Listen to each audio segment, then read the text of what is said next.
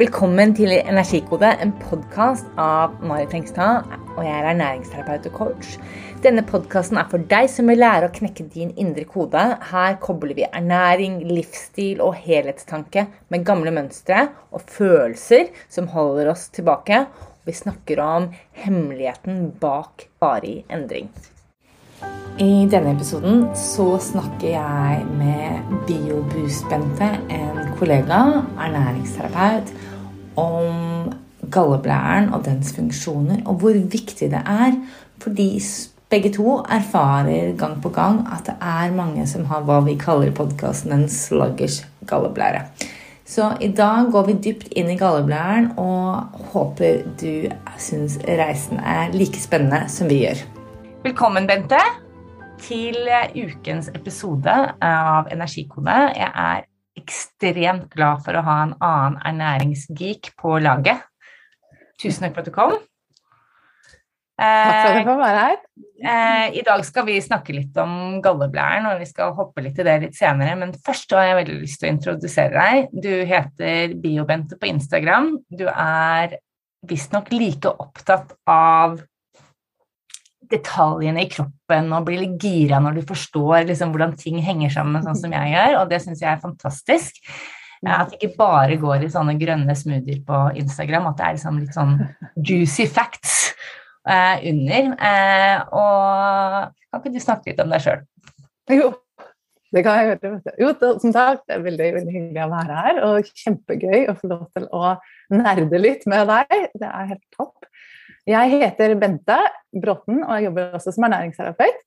Jeg har en konto som heter BioBoost-Bente, så jeg, ja, jeg, jeg, kaller meg jo ikke det sånn til daglig. Men ja, hva skal jeg si? Jeg har ikke alltid vært ernæringsterapeut. Jeg begynte jo livet mitt med et hektisk, hektisk liv med å være klesdesigner. Og så etter hvert så fikk jeg barn og jobbet og herjet og holdt på. Reiste mye. Og ja, sånn type liv som, som veldig mange har, at det skjer mye. Så ble barna mine syke én etter én, og da fattet jeg veldig interesse for dette med hva vi kunne gjøre i forhold til, til maten. Det, så det har vært en lang reise. Jeg har alltid vært interessert i, i mat og i Det henger jo litt sammen, det er jo typisk sånn livsstils Det med å altså Både design og klær og, og mat er jo sånn, ting som handler om hvordan vi har det. Så det henger jo veldig veldig sammen. Mm. Men det er jo ganske interessant da, i, et sånn generelt i, i, Norge, i hvert fall mennesker jeg møter, at man får syke barn. Og så mm. er det jo ikke alle som hopper på at ernæring er løsningen. Hva var det som fikk deg til å liksom, tenke at det hadde noe å si? Jo, det er et godt spørsmål. Um, det på en måte så var vi litt heldige, det høres litt dumt ut, men eldste sønnen min som ble syk først, fikk Crohns. Ja. Og det er jo mage og tarm. Sånn ja. da, var, da, var, det jo litt opplagt, syntes i hvert fall jeg. Uh, selv om legene ikke syntes det. De var helt klare på at nei, nei, det er ikke noe Det er ingenting å si. Ingenting, ikke noe å si. Det er ikke noe vits i å begynne å styre med mat eller Og vi spiste jo for så vidt sunt. Vi spiste sunn, normal norsk kost. Men det var jo ting som gjorde at han ble syk likevel. Eh, og det var ikke sånn, I begynnelsen så startet jeg veldig sånn jakten på den ene tingen, den ene bakterien. ikke sant? Om det var gluten, var det ditt, var det datt. Holdt på. Eh, han har jo funnet ut hvor ekstremt sammensatt det er. Og, og det er utrolig multifaktorelt. da. Så det... Ja. Så når du først begynner å lese, ikke sant, så vet du hvordan det ene tar det andre, og du går ned det ene sier vi ikke kanskje kaninhull på norsk. Rabbit. Det heter det på engelsk. liksom. Så vi, ja, så det, det, kjenner jo du til, disse kaninhullene du òg. Og de, det er jo under, under, jorden der er det jo en million ganger, og de krysser hverandre overalt. Så det er eh, innmari spennende. Og det er jo nettopp det at man liksom, når man begynner å skjønne at disse rabbit holesene eller disse krysningspunktene, da, at det er, det, det er en kode man på en måte må knekke. Mm. Eh, og at den er personlig. Det er ikke sånn hva som funker for deg, funker for meg nødvendigvis. da. Ikke det hele tatt. Mm. Så det, det er liksom viktig å tenke på. Men, men allikevel, så i dag skal vi snakke litt om eh, galleblæren, eh, mm. som er et veldig fascinerende organ. Veldig. Og vi har alle, ikke sant? Vi har, vi har alle en galleblære, men den på, på, på papiret, i, i, tekstboka, så ser den ganske lik ut for alle. Men hvis man hadde spurt en patolog eller noe sånt, så hadde de sagt den ser ikke så lik ut. For altså innvendig så har De er ulike allikevel, selv om vi, vi, tenker ofte at den ser helt lik ut, men den gjør jo ikke det. Den er jo like forskjellig som vi ser ut. Mm. Den fungerer forskjellig for forskjellige folk, og den er ofte litt oversett. Veldig oversett. Og det er jo litt, Du sier at alle har en galleblære, men dessverre er det jo ikke sånn lenger. For det er veldig mange som faktisk får fjernet denne galleblæren. Fordi man har tenkt at man ikke trenger den så veldig. Så det, det, er jo litt synd, for det er så mange ting vi kan gjøre for å klare å bevare den mm. uh, og pleie den. Og ikke minst uh, forebyggende, hva vi kan gjøre så vi ikke skal få det vi, vi kaller nå kommer det enda et uttrykk på engelsk, sluggers galle. Ja. Jeg har ikke klart å finne et godt uttrykk for det. så hvis noen har noe... Litt sånn treig galle. Det er vel kanskje det vi som er nærings... Ja terapeuter mm. ser. Da. Uh, altså man, ja. Hvis man har akutt galleproblematikk, så ender man jo på sykehus. Mm. Men det er for mm. alle de som har de, der, de årene det tar før at man får en, eh, en galleoperasjon, da, eventuelt. de fleste vet jo ikke at man har det. Ja. Og det er jo der vi har så mye å bidra med, tenker jeg. Ja, ja de fleste vet jo ikke at det, er, at det, er, noe som ulmer, og noe som er på gang. Mm. Uh, sånn som for min del, da, så var det jo veldig dette at vi endret mye i kosten, så plutselig så begynte jo jeg å få galleproblemer. Enda hvis jeg levde mye sunnere og mye bedre og spiste mer fett og alt dette, men det begynte jo, da plutselig begynte de å røre seg, og da begynte jeg å bli klar over at jeg hadde galleproblemer. Mm. Men det, og det var ikke sånn at jeg fikk det av å spise mer fett, jeg fikk det jo Det var bare at da begynte gallestener og ting å røre seg, som jeg antakeligvis har samlet opp i hvert fall fra ungdommen. ikke sant? Så begynte mm. de å røre på seg, og begynte å skje, og begynte de å gå nedover i denne det går jo fra, fra denne galleblæren som sitter på leveren, så går det jo en sånn tynn, tynn um, kanal hvor, hvor gallesyren eh, kan pumpes ut. Og da, av og til, så, når stenene ikke er så store, så kan jo de komme ned der og sette seg fast. Og det er det som er disse galleanfallene som noen får, da, som gjør så veldig vondt. For det, det er ganske ubehagelig. Mm. Sånn at uh, ofte vet man jo ikke det, da, når det, at, at gallen sin er kanskje full av små stener. Og det viser seg jo det at når jeg, vet, jeg har flere klienter hvor, som unge jenter på 25 som har masse gallsten. Uh, men, men, de bare vet ikke. Nei, de vet ikke, og det er litt interessant, men jeg tenker vi skal bare hoppe et par skritt tilbake. for liksom ja. meg, Hvis jeg hadde intervjuet meg for uh, ti, kanskje ti år siden, visste jeg det, men for 20 år siden så visste jeg sikkert ikke Jeg visste at det var en organ som het galle, men som man kanskje når man spydde, så kom eder og galle. Det er sånne uttrykk man kan, men man vet jo egentlig ikke hva gjør gallen. Ja, vi tenkte på det på sånn, Man har tenkt på det som nesten noe negativt, for det er jo edder og galle, som du sier. ikke sant? Mm. Ja. det... Og edder står jo har... Unnskyld. Edder står jo på edderkoppsyrer og galle for gallesyrer. Ja. Uh, og, det, og, det, som er med det, begge de to er jo veldig bakteriedrepende og, og, og har mange funksjoner. da, kan vi komme tilbake til. det er et morsomt uttrykk. Men fordi altså, leveren, nei, leveren til gallen hjelper oss jo å fordøye fett. Det er en av hovedoppgavene ja. til, til galleblæren. Mm. Det er liksom mm. Og så hjelper den også å avgifte blodet vårt, fordi den har en Altså den regulerer um, pH-en i tarmen, blant annet. Mm. Og ja, den hjelper oss rett og slett å regulere Altså at tarminnholdet ikke får eh, for høyt eller lavt pH-verdi. Mm. ja. Mm. Så det er masse har den en, ja. ja, den har en veldig annen viktig funksjon også. At den er eh, bakteriedrepende, som vi sier. Den er, den er, vårt sprøytemiddel på en måte mot, uh, mot uh, inntrengere. Etter magesyren, som også er, er veldig syrlig, som er drepende bakterier, så er den uh, veldig veldig god å ha. Så veldig ofte sånn, Vi snakker jo så mye om sånn SIBO og irritabel tarm og alle sånne ting, og det er jo veldig ofte forbundet med at man ikke eh, pumper ut nok gallesyre til å, ja. å drepe bakteriene i tynntarmen. Derfor er det der den, den jobber, i tynntarmen. Mm. Da, da, blir det jo det at det blir for mye, en overvekst av bakterier som ikke skal være mm. der fordi det ikke er noe sprøytemiddel, så, så til ja. som dreper den. Ja. Det er liksom vårt antibiotika. Vårt eget, vår egen produksjon av antibiotika. Mm. Mm.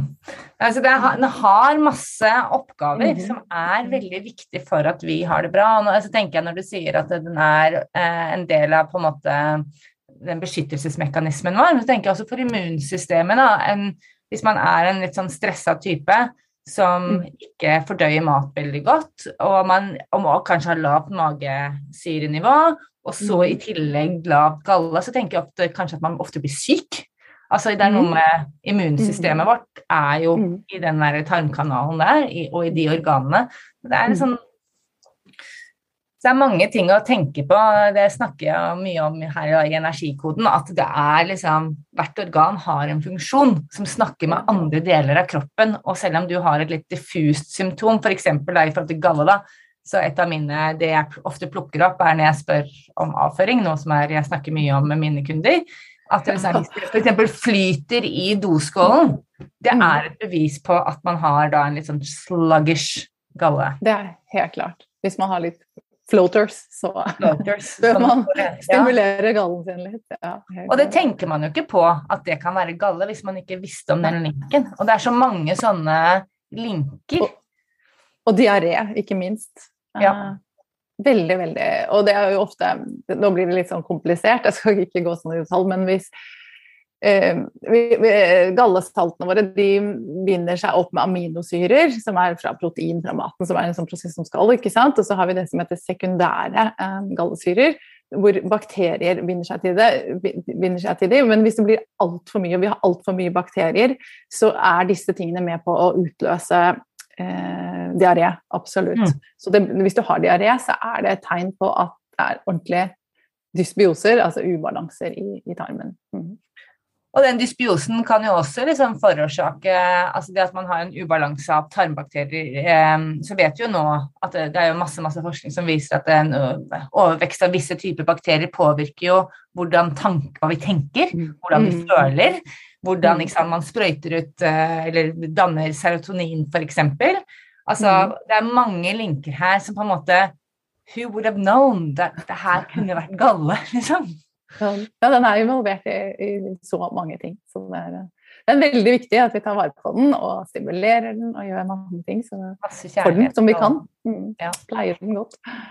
Så gallen ligger da, eh, det har vi kanskje ikke nevnt, den ligger bak leveren på høyre side, eh, og er en Mm. Liten pæreformet Mm. lag. Um, En liten blære, rett og slett. Ja. pumper ut ting, Mm. og ja. Så det er det man gjør. Ja, den er på en måte, Selve galleblæren er jo bare et lager hvor den ligger, Mm. og så pumpes det ut jevnt og ut. Så de som ikke har galleblære, da, de fortsetter jo å lage gallesyre og galle, men, men den pumpes ikke ut bare ved måltid. sånn som For en som har galleblæren, så vil det komme mest rundt måltid. Mens for en som ikke har det, så vil det egentlig bare liksom renne litt eh, jevnt og trutt. Da. Så har, da har man kanskje ikke alt så mye som man trenger til et måltid. Da. Mm. For selve gallevæsken, eller hva heter det på norsk? Gallevæsken? Ja, gallevæsken. Ja, godt Den blir jo er produsert i leveren. Ja. Så den, den produseres jo hele tiden selv om blæren blir borte. Mm. Ja. Men det er noe med det at den ikke Ja, den, den renner ikke sånn som den skal, og blir ikke stimulert den Får ikke riktig tidspunkt, da. Den får ikke de pumpene. Nei, de, Mm. og det, at det liksom kan pøse ut litt mye hvis du spiser litt mye fett. Da. Mm. Og det, litt sånn tilbake til det med å spise mye fett òg. det er jo, Hvis vi snakker litt om årsaker da, til hvorfor vi kan også få eh, litt eh, eller sluggish galle, som vi kaller det, eh, det er jo fordi at hvis vi spiser veldig fettfattig, sånn som mange av oss har kanskje gjort da, store deler av livet Jeg har i hvert fall hatt litt sånn fett forbi hele ungdommen og i voksen, tidlig voksen alder. Halve livet, kanskje. Mm. og det, for det er jo sånn vi, det vi lærte, at fett var, var skummelt. Og da produserer jo, da stimuleres det jo til mindre produksjon òg, så da vil den jo bli tykkere og seigere og, og tregere. Mm. Så det, mm, og ikke, er liksom ikke så mye, ikke så høy produksjon, rett og slett. For den, den blir jo produsert litt på demand, ikke sant, hvor mye vi Mm. trenger. Og en ting som jeg eh, har plukket opp på min vei, som er litt sånn interessant som jeg liksom Jeg har ikke noe artikkel på det sånn uh, i hånda, men, men det er jo hvordan f.eks. kokosfett har Mm. en sånn Det trenger ikke galle for å brutne. sprutne. Så f.eks. veldig mange av oss som er så, har vært på sånn ikke, Det har ikke vært trenddietter, men de har sånn plutselig har blitt Mm. veldig sunne da, og vært veldig opptatt av mat og sånn. Og hvor man Ja. liksom bytter ut ting og bruker kokosfett f.eks. mye. Det er jo en sånn kjempefin ting fordi man trenger ikke en veldig effektiv galle for å ta opp det fettet. Men ja, få energien. Mm. For å få energien, da. Her snakker vi mm. energikode. Hvis man skal få mm. liksom, energi ut av maten, så er f.eks. hvis man har en sluggish mm. Galle, så kunne man liksom da, da er, Man kan hoppe over det steget da, ved å bruke kokosfett. Ja, jukse litt. Mm. Men, men, eh, det betyr jo det at galleblæren blir jo ikke stimulert. Den gjør ikke det. Så akkurat det, da kan det like gjerne være på lav low fat diet. Ja, ja, og eh, mens jeg er inne på det med sånn fad-dietter og populære trender, da, så er det jo også dette med intermittent fasting. Ja, mm. Det er jo også sånn tids, periodevis faste. Det er jo veldig mm, populært, det også om dagene. Mm. Og for mange da som kutter ut frokosten og kanskje ikke spiser før langt ut på dagen, så kan, hvis du har litt treg galle, så kan det være veldig dumt. For det, den er eh, mest aktiv om morgenen og formiddagen. Så det, det er eh, så da får du på en måte ikke den ordentlige gang i løpet av dagen heller. Mm. Så det, litt, kan være lurt å spise noe eh, med litt fett som trenger gallesyre for å løse opp, da, litt tidlig på dagen. Mm. Som bulletproof coffee?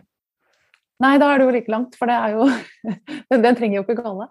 Den, Nei. Eh, det, da er det, det smør opp, opp, ofte smør oppi, da. Hvis du har smør oppi, supert. For at, ja. ha oppi litt smør, ha oppi litt uh, eller spis noe med litt, litt fett. Da. Og hvis du er redd for å bryte fasten, da, så spis mm. bare kanskje avokado eller et eller annet som ikke, mm. ikke har så stor sjanse for å bryte fasten. da. Men her er det jo litt viktig da, at uh, jeg, nevnte det faktisk fordi jeg lagde en podkastepisode forrige uke om uh, detox. Uh, sånn, ja. jeg, til, liksom, jeg, er egentlig veldig opptatt av detox. Detox var noe av det liksom, som fikk meg inn i ernæringsverden sånn i første omgang da, for mange, mange år siden. Og da husker jeg at jeg bodde i Oslo, var student, og kjøpte meg en sånn pakke på Vita som het et eller annet sånn lever detox. Ja. Et eller annet galleblæregreier. Som jeg bare helt sånn cold turkey bestemte meg for å gå for. Og da var det snakk om å drikke olivenolje og noen sitrongreier. Du gikk på en sånn flush, ja. ja. Det var bare uten noe forberedelse. Uten liksom Jeg hadde i dag sikkert googlet meg da til noen symptomer, ikke sant. Tenkte det her var løsningen. Ja. Løsningen jeg trenger, det her er det. og så satte jeg i gang de greiene der. og skulle, Jeg tror de første liksom, timene gikk ganske greit. Jeg tror kanskje det var 24 timer eller noe. Men etter hvert så ble jeg jo så sinnssykt dårlig. Jeg ble så dårlig. ja, det vil jeg tro. Eh, så det var lenge til Eller jeg har aldri gjort det i ettertid. Men, men, det var, og det var lenge før jeg studerte ernæring. Det var bare sånn Hadde lest om det sikkert i liksom, ja. et eller annet magasin eller noe sånt. Og så tenkte jeg at det, jeg er sånn typen som er opptatt av dette her, så det her prøver jeg. Men eh, Kjempefornuftig. Men det er liksom det jeg tenker som Vi jobber jo med mennesker hele tiden. Og, mm. og vi ser jo det at vi er satt sammen så forskjellig. Mm. Så de symptomene du har og jeg har, og, at det er liksom viktig, sånn som du sier, da, at mm. uh, det er kanskje intermittent fasting er noe for deg hvis du har, har et galleblæreproblem. Og derfor er det viktig å finne ut av det før man setter i gang en sånn Mm. Kjempeprosess. Kjempe. Og det samme med den flushen som du også gikk gjennom. Den er jo veldig fin, veldig effektiv. Hvis man heller eh, ikke har Eller du kan få ut små stener med den, men problemet er at de kan jo faktisk sette seg fast. Og det er farlig. Det er jo, da er det, ender det jo kanskje opp å måtte operere òg, fordi det ikke kommer verken opp eller ned. og da, Det er jo farlig. Sånn at det er eh, det, Jeg ville vært litt forsiktig med sånn galleflush. Jeg ville i hvert fall gått til legen og fått en ordentlig ultralyd først og sjekket at man har klart å, å, å bli kvitt det man har av gallestener, sånn at man kan ta en sånn flush kanskje en gang i året eller sånn, eller ikke så ofte en gang, men etterpå. Men jeg ville først sørget for å få ut stenene. Men også det at jeg tenker litt at her er det litt viktigere da å, liksom, å få rydda opp litt. Hva er det mm. liksom ikke sant? Dysbiose sier man, kanskje at det, tar, mm. at det er mye luft i magen, eller om det er altså på en måte, mm. Det er mye man kan gjøre med mat og livsstil og kanskje litt urter og litt ikke sant? At man mm. Daglige ting. Før man liksom hopper på en sånn kjempeviktig da er, ja, da er det jo også lurt å se litt på årsaker. Hvorfor ja. man har én, hvorfor man har tre galler og hvorfor vi danner f.eks. gallesten. Eh, for det, de er jo stort sett bygget opp av eh, De kan være bygget opp av pigmenter fra at man bryter ned veldig mye blodceller, ikke sant? sånn billig bilirubin. Men som regel er de dannet av kolesterol. Mm. Så da må man jo begynne å gå litt og se på kolesterol. Da. Hvorfor hoper det seg opp? og hvorfor ikke sant? Hvorfor? Mm. Men det igjen, hvorfor det hoper seg opp, er jo ofte fordi at man har treg galle, sånn at man ikke får flushet ut. For det er jo, dette er jo det er en av hovedoppgavene som vi glemte å egentlig si i forhold til, til gallen. Vi sa at den skiller ut og hjelper oss å avgifte og få ut toksiner, men den hjelper oss også å få ut uh, kolesterol. Da. Sånn at, ja. da kan det, det regulerer kolesterolbalansen. Ja.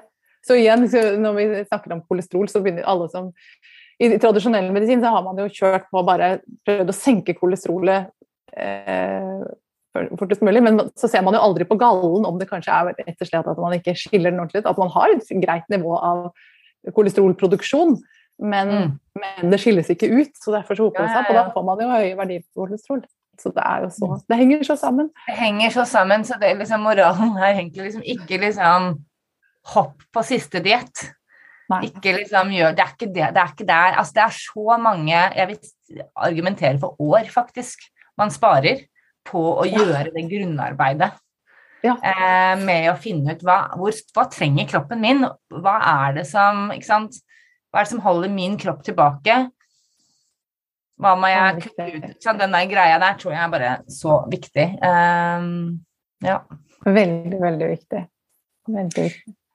Men vi snakket jo litt om at uh, vi skulle snakke om galle i dag, og jeg har gjort litt sånn research og sett litt i sånn notater gjennom Altså, ja, jeg, jeg, er jo litt opptatt av organer, så jeg har litt sånne små notater hvor jeg skriver notater og sånn.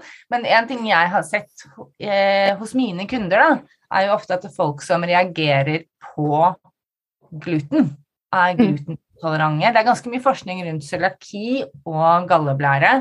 Mm. Eh, de vet ikke helt mekanismene, tror jeg, men det er, man ser ofte at det, folk som har en glutenintoleranse eller cøliaki, også har problemer med gallen. Mm. mm.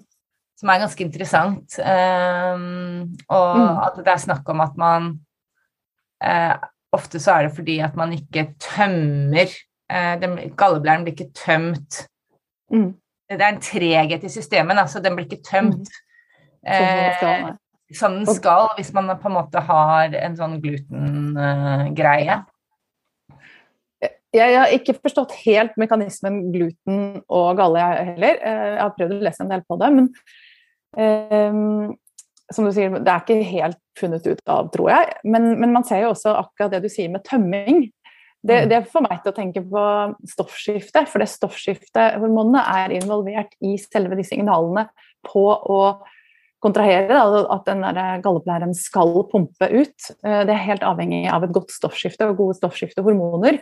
Så ser vi også veldig ofte at hvis man har betent eh, eh som er en av hovedårsakene til at mange har eh, tregt stoffskifte, mm. eller lavt stoffskifte, sånn type Hashimotos eller bare autoimmune reaksjoner, eh, det er jo også veldig ofte forbundet med gluten, altså den eh, ikke cøliaki, gluten-type intoleranse. Da. At man, mm. Eh, for det vevet i skjoldbruskkjertelen spesielt eh, kan dette med molekylær mimicry, hvor, hvor, hvor, kroppen tar litt feil av vevet sitt og mm. eh, proteinet i gluten. Ikke, jeg har ikke klart å finne, jeg har lest en del på det også, sånn forskning direkte på om det også skjer i forhold til galle. Men jeg, så jeg tror det henger sammen med stoffskiftet faktisk, og, og skjoldbruskkjertelen. Men uh, ja, jeg også... sier de tror, for dette er, dette er, noe jeg liksom driver Det er et av disse kaninhullene jeg driver på og leser i om dagen. Mm. Grave seg til Kina, det er liksom Det kommer ja. nye greier hele tiden. Men også så er det en tanke da, sant, at det faktum at, at galleblæren tømmer seg saktere, kan jo også ha noe med metabolske prosesser i kroppen å gjøre, ikke sant? med stoffskifte ja, det det og mm. Altså det er mm. mange ting som henger sammen her, da. Veldig. Og så er det jo, du, du også, Da vi snakket sammen um, innledningsvis til denne praten, så snakket vi også litt om bukspyttkjertelen. Den er også viktig inn her, ikke sant? Den, for den skiller jo ut bl.a. Eh, masse andre fordøyelsesenzymer, inklusive fordøyelsesenzymer til å løse opp fett. Men hvis mm. det er litt sånn treghet i denne de, de, uh, Bukspyttkjertelen og galleblæren, de, de to um, døktene, altså disse traktene som kommer ned hvor, hvor væsken kommer ut, fordøyelsessaftene kommer ut, de møtes og blir, har én åpning ned i tynntarmen. Sånn at mm. hvis det er forstoppninger og små kolesterolstener og sånne ting i gallen, så kan det gjøre at det backer opp i, i bukspyttkjertelen òg, og, og lager betennelser der også. Mm. mm. Og da, da, har vi jo ikke enzymer til å, å fordøye gluten eller eller maten eller hveten eller sånn heller, da, ikke sant? Hvis det går sant? Så det kan det- også være litt sånn sammenhengen der. Ja, og så er det vel kanskje det at det er også da sant, skade på de tarmtottene i tynntarmen når man har Mm. eller ikke sant, at det, Mm. at det kan jo ha Mm. noe med opptak og, og Ja. den type ting. Helt klart. Men hva sånn typiske symptomer da? Nå snakket vi, har hoppet litt, eh, litt frem og tilbake her, men vi, vi Ja, vi snakket om floaters. Vi snakket, Vi snakket om om. Mm. eh, dysbiose. Ja. Eh, og så er det jo da dette av, altså det er jo en del av den leverrenselsesprosessen. Eh, at det renser blodet litt. Men hva annet hva, Noen har litt smerter i selve leverområdet, men et veldig typisk symptom er jo at man har smerter i skulderen, i høyre skulder faktisk, og oppover kan være opp i kravebenet og bakover i skulderen. Så det, det, er disse, det stråler på en måte opp i, i skulderområdet. Så det er ganske sånn typisk, eh, typisk eh, symptom. mm, Og da tenker man galle med en gang. Og så er det jo Noen blir veldig kvalme. Akkurat som du får litt sånn, føler at du har litt sånn bånd rundt eh, liksom diafragmaen her oppe. Litt sånn oppi magen. Syns kanskje ikke helt hvor det holder på. Mm. Og så eh, oppkast og kvalme, som sagt. Og så er det det at ikke bare kan avføringen bli veldig flytende, men den kan også bli ganske sånn grålig eller gulaktig. Så hvis, det, hvis Mm. den går i den retningen, så er det også ganske klart at det har noe med galla å gjøre. Eh, jeg har hatt noen kunder som har vært på sånn raw food, som aldri har spist raw food, og som har kommet seg, ikke sant, prøvd sånne lekre kaker som aldri har spist før, og som går ut kvalme, liksom. Fordi det smaker kjempegodt. Det er ikke noe av maten, men det er jo det at de blir dårlig av for mye fett. Ja, De, Det er også et klassisk tegn. Mm. ja, og for eksempel, eller den derre julefårikål uh, Ja. ja, sånne he heftige middager, da. At det, det er ikke liksom Da må man være litt ekstra grei med galleblæren sin, da. Da jobber gallen overtid på julaften, det er ikke noe å lure på. Mm. Så det, men hva gjør man? Hva gjør man? Jo, det er jo mange ting vi kan gjøre selv. Nummer én er jo å drikke nok vann. Mm. For den krever ganske mye væske for å lage denne væsken. Selv om 95% av gallsyren faktisk reabsorberes og brukes om igjen, så, så trenger vi mye væske for, å, for hele prosessen. Det, det krever en del energi og det krever en del væske. For det er når vi snakker om slaggers galle, så er det jo fordi at den er litt for seig. Mm. Så det er jo liksom rett og slett at når ting blir at man, Når ting blir for seigt, da går Mm. flyter jo også dårligere. Så det Ja. ja. Vi kan ikke Vi må heie på det, det vanndrikkingen. Altså det er, vi drikker, eller mange drikker for lite. Vi drikker for lite. Og så er det jo dette eh, Selve magesyren igjen er jo også med å stimulere både fordøyelsesenzymer og gallesyre. Mm. Så vi, de, tiltakene vi gjør for å stimulere magesyren, sånn som å spise bitterstoffer, det gjelder også for galle, gallesyren i aller høyeste grad. Så disse bitre grønnsakene, eh, sånn som ruccola, eh, løvetann, eh, endiver, alle disse tingene er veldig fint å spise. Eh, bitter, ja. grepfrukt, eh, bitter melon. Det får Mm. man i, i andre butikker. Veldig fin å liksom, varme opp litt og, og spise. ja, Urter, så- man får jo også sånne dråper ikke sant, på Ja. helsekosten det som er fine å ta hvis man har mye. Det er det første man bør begynne med, egentlig. Ved siden av å drikke vann. Mm. Så få i seg litt bitterstoffer. Og så har vi de, noen ting som også hjelper til å løse opp gallesteinen litt. Eh, Det er jo eh, eplepektin og eple. Eplesjuice også eh, kan hjelpe til litt. Eh, Eplepektin det er jo det fi- fiberet som vi finner mest av i skallet på epler. Så det å spise litt sånn epler er fint. Eplesidereddik. Eplesidereddik hjelper også. Det er jo også fint for å stimulere magesyre, men man, man tror også at det kan hjelpe litt på å løse opp kolesterolstenene. Bindingene. Mm. Mm. Mm, Bindingene der litt. Grann. Eh, ja, så, snakket, og så er det jo en del urter, sånn som vi snakket om. Det, sånn milktistel, silmarin, den heter uh, Marietistel. Marietistel på norsk. Uh, Artisjokk er veldig fint. Uh, Mm. Loppefrø, sånn som er i sånn fyllehus eh, Sånn som man ofte bruker i sånn fiberhusk, er jo loppefrø. Um, Mm.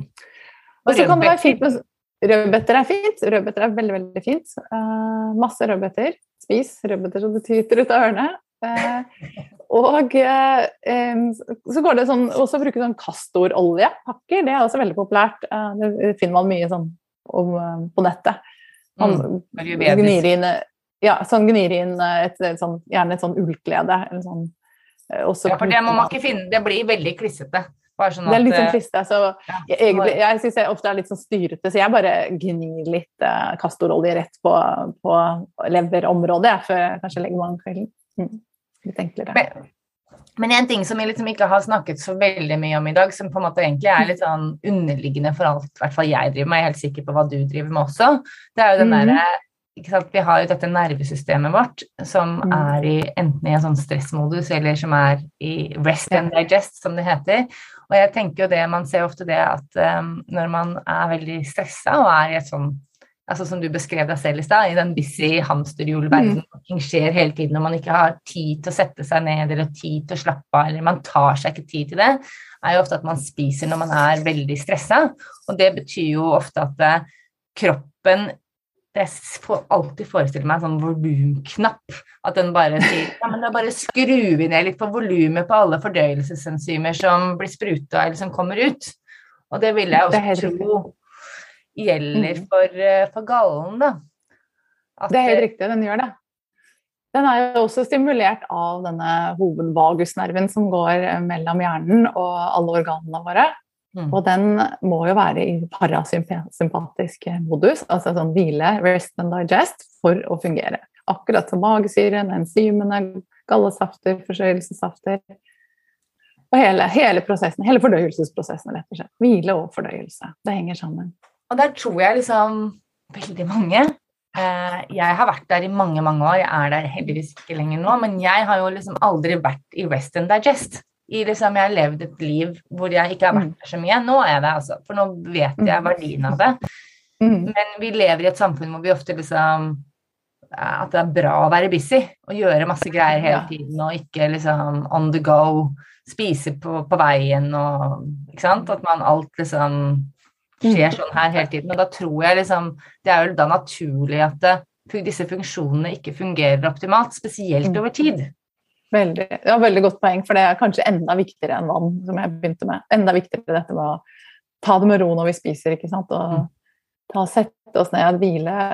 Er du stressa, er du ikke sant? emosjonelt påvirket av et eller annet som har skjedd, og setter deg rett og skal spise, så, så er ikke tarmen klar for å fordøye. Så mm. hvis det har skjedd noe på jobben eller et eller annet, og ta, sett deg ned, bare gi deg selv noen minutter, og pust litt før du skal spise. ikke sant? Det er lurt.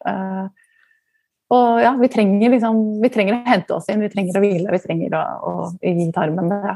Det er kjempeviktig. Mm. Det er greit å være effektiv og busy, men, men akkurat måltidene må vi lage, gjøre litt hellige. Og som du sier, det der med og Jeg ser så spesielt mange kvinner som, som liksom dropper lunsjen litt, eller bare ikke har tid, eller glemmer den, eller knekkebrød i bilen. Og det er bare det, er bare det verste. Ved siden av å, å spise fort. Jeg er jo sånn som gjør alt litt sånn fort. Jeg er litt rask type. og da ja, Jeg spiser jo også veldig, veldig fort, og det er noe jeg har måttet jobbe innmari ja, Det er altså. Det er en vond, uh, vond kamp å ta.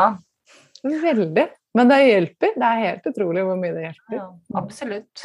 Men er, man, må, man, må, jo konsentrere seg om det når man har spist fort hele livet. ja, ja. Og, og liksom en annen ting også som det er jo liksom hvor ensidig man spiser. da. Jeg tenker liksom at mm. kroppen, fordi sånn som vi har snakket om i dag, kroppen er jo sinnssykt komplisert. Det er så masse ja. greier og metabolske prosesser, og det er sånn dominobrikker hele veien. Um, så jeg tenker liksom det at vi trenger en rekke næringsstoffer, og jeg tenker at det, veldig mange de siste hva enn årene spiser jo i hvert fall Norge med matpakker og sånn, da. At man, det er veldig sånn overvekt av visse typer matvarer. Man får ikke det varierte kostholdet.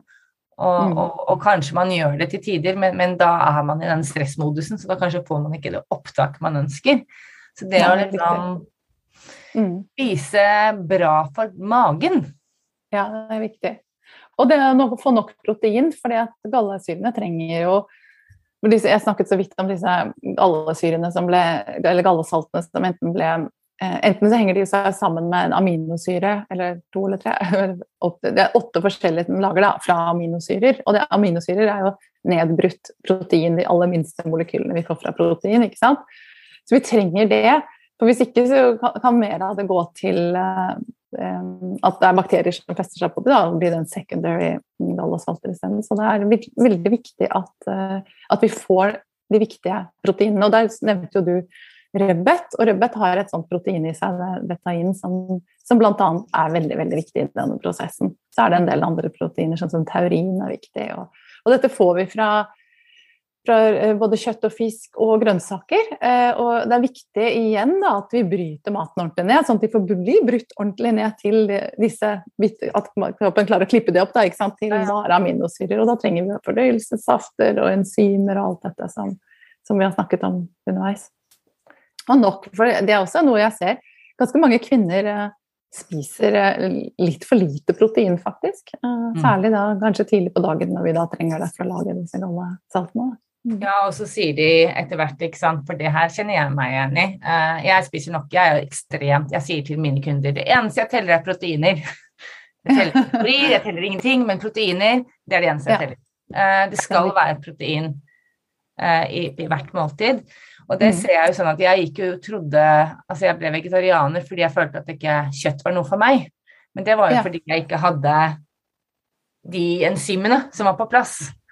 Mm. Eh, fordi jeg hadde gått så lang, lang tid og litt for mye mm. kneiper og pasta og litt for mye sånne raske løsninger. Da. Sånn Toro-barn ja. fra 80-tallet. Toro ja. Du er ikke den eneste. Mm. Ja. Så nei, det er viktig det der med proteiner. Det er kjempeviktig, altså. Uh, er det én ting du skal fokusere på i dag, så er det har du spist nok proteiner til hvert måltid.